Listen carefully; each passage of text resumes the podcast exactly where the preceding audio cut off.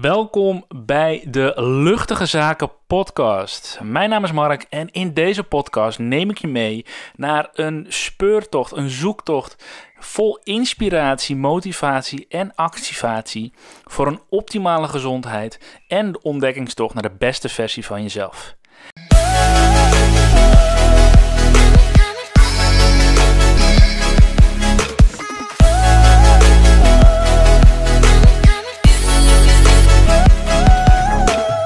In de podcast deel ik mijn eigen ervaringen op het gebied van persoonlijke ontwikkeling en mijn eigen groei. En ga ik in gesprek met experts op het gebied van gezondheid, mindset, vrijheid en het creëren van een gelukkig leven. Zelf werk ik met breathwork en coaching en help ik dagelijks mensen hun gezondheid te optimaliseren en keuzes te maken voor hun persoonlijk geluk.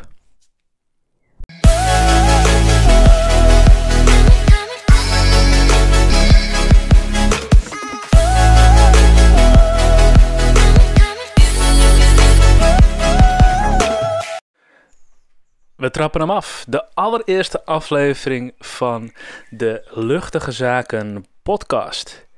Echt onwijs gaaf om dit te doen. Ik ben hier nu in mijn eentje. Ehm, en in deze uh, podcast, deze aflevering, aflevering nummer 1, wil ik je wat meer vertellen over wie ik ben, um, hoe deze podcast is ontstaan, wat je van de podcast kunt verwachten.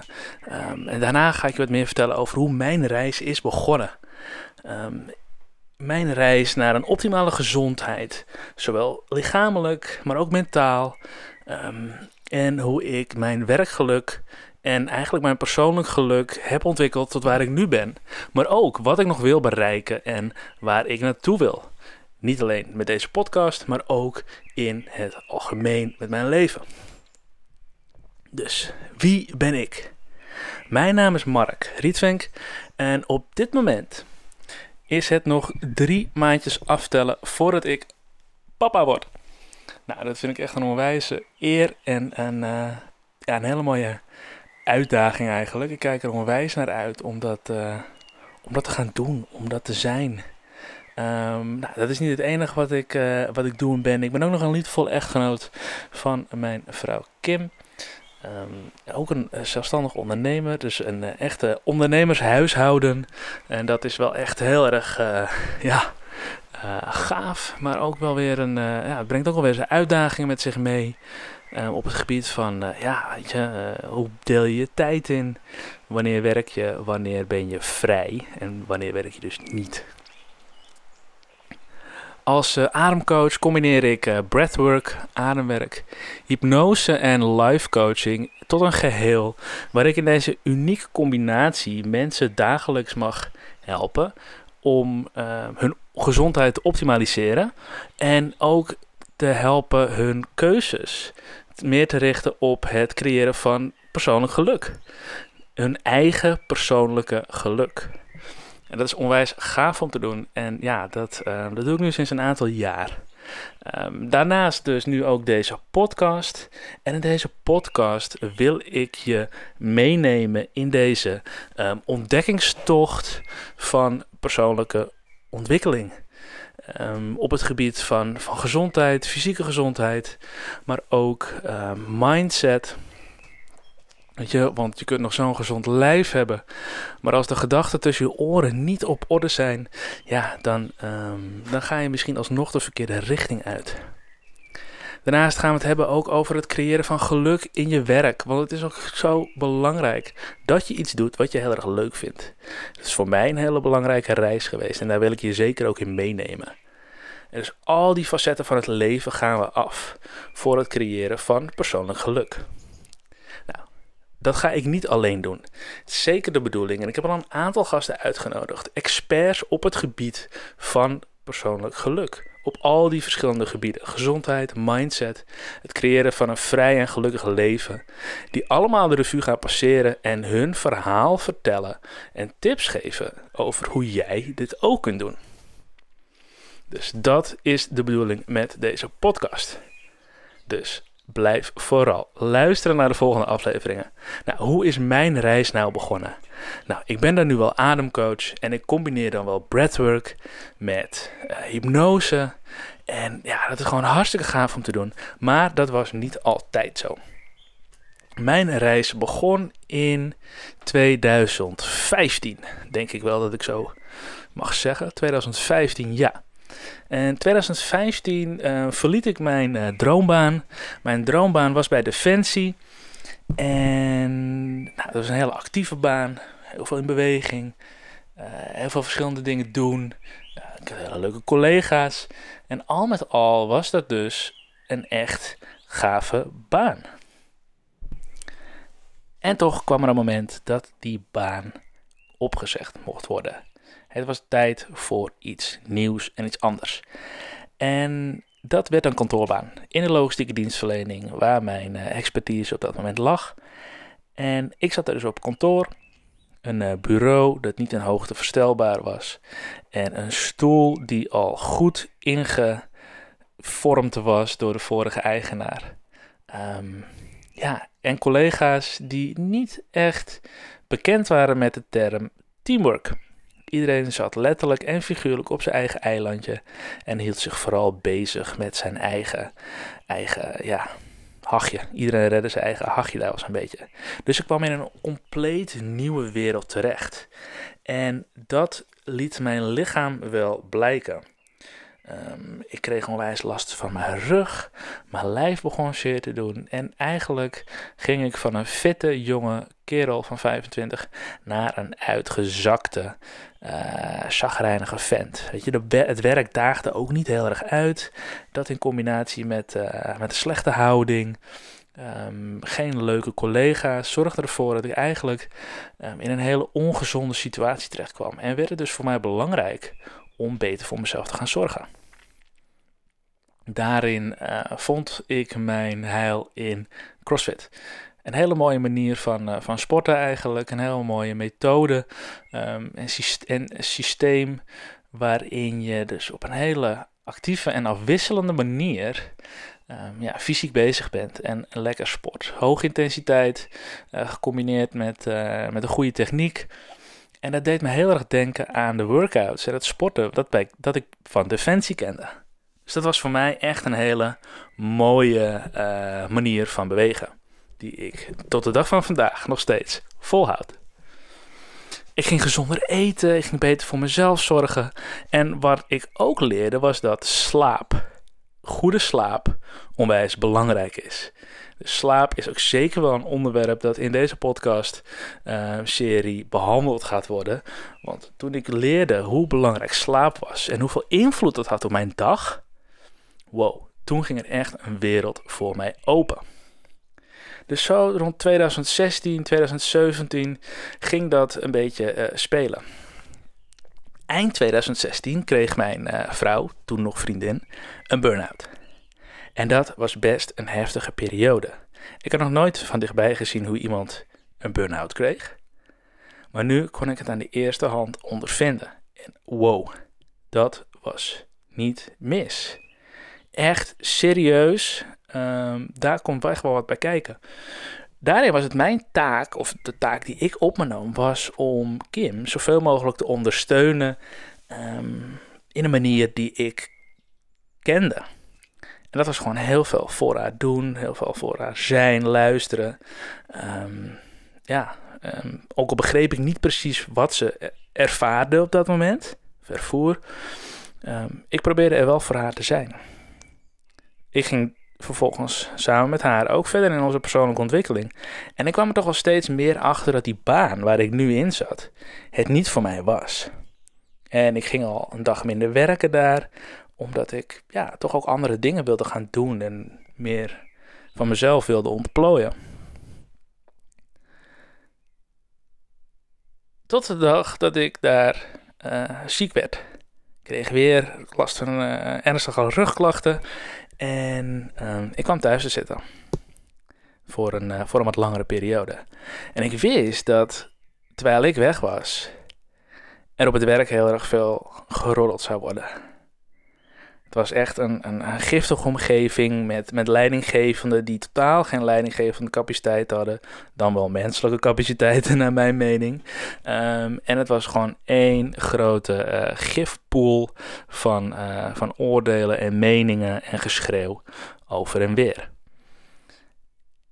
Totdat ik op een zondagavond de hond uit ging laten. De volgende dag zou ik inderdaad weer voor het eerst naar mijn werk gaan.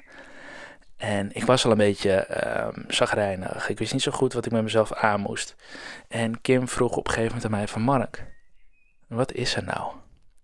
En op dat moment, ik stond bij de voordeur en ik kan het moment nog heel goed voor de geest halen.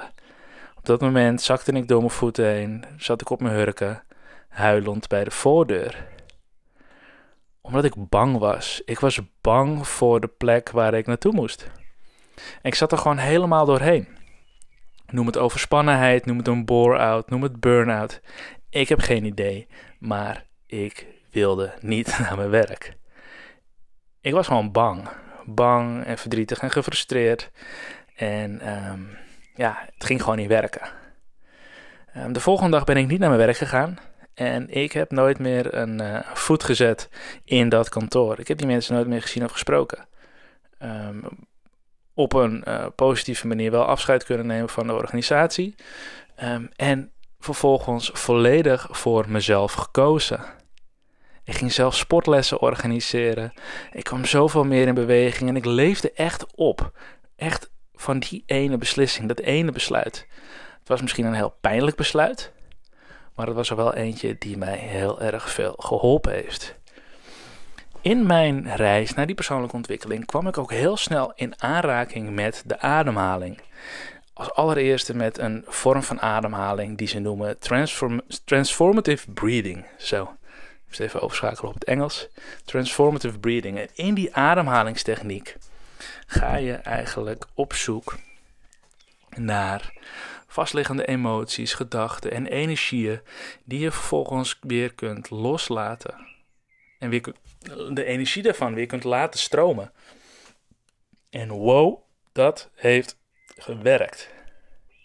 Als je me een beetje kent, en als je me nog niet kent, dan vertel ik het je nu. Als ik ergens inga, als ik iets nieuws ga doen, dan ga ik daar altijd volledig in op. Head first, met gestrekt been. Ik ga all in. En dat deed ik ook in deze ademsessie. En hij werd heel erg goed begeleid. Ik wist niet zo goed wat ik ervan kon verwachten. Maar binnen no time voelde ik een heleboel boosheid en verdriet omhoog komen. En hoewel ik het eerst niet heel erg kon plaatsen, kwam ik er steeds meer en meer achter dat die emoties opkwamen. In verband met het verlies van mijn vader een paar jaar eerder. Mijn vader overleed vrij jong. Maar dat heb ik nooit echt goed kunnen verwerken. En al die emoties die ik toen niet geuit heb, die ik dus allemaal opgekropt heb, kwamen er toen in één keer uit. En boy, oh boy, was dat een ervaring. Naderhand voelde ik me zo ongelooflijk rustig en kalm. En ontstond er zoveel ruimte, waardoor ik weer dingen anders kon zien, besluiten kon nemen, keuzes kon maken, die me weer vooruit hielpen. Dat was echt een life-changing moment. Later ging ik naar Bali toe voor een transformatiereis samen met Kim en ook daar deed ik weer zo'n vergelijkbare ademsessie. En deze keer was het heel anders. Waar ik de eerste keer heel veel pijn en verdriet en boosheid heb gevoeld, was het nu een sessie waarin ik heel veel liefde heb ervaren samen met Kim. We ademden tegelijk en het was gewoon één wording eigenlijk. En ik weet nog wel, na de sessie lagen we naast elkaar te knuffelen. En, en het voelde zo ongelooflijk goed. Er zijn eigenlijk geen, geen woorden voor die dat, die dat kunnen beschrijven. En ik heb dat nog nooit eerder gevoeld of meegemaakt. Niet bij mezelf, maar ook andere mensen heb ik hier nog nooit op deze manier over gehoord. Dus langzamerhand kwam ik erachter dat die ademhaling best nog wel eens belangrijk was. Maar ja, deze manier van ademhalen doe je niet iedere dag. En um, Want het is best wel uh, intens. En uh, ja, het vraagt nog best wel wat, uh, wat, wat van je. En tegelijkertijd ademen we natuurlijk ook wel de hele dag door.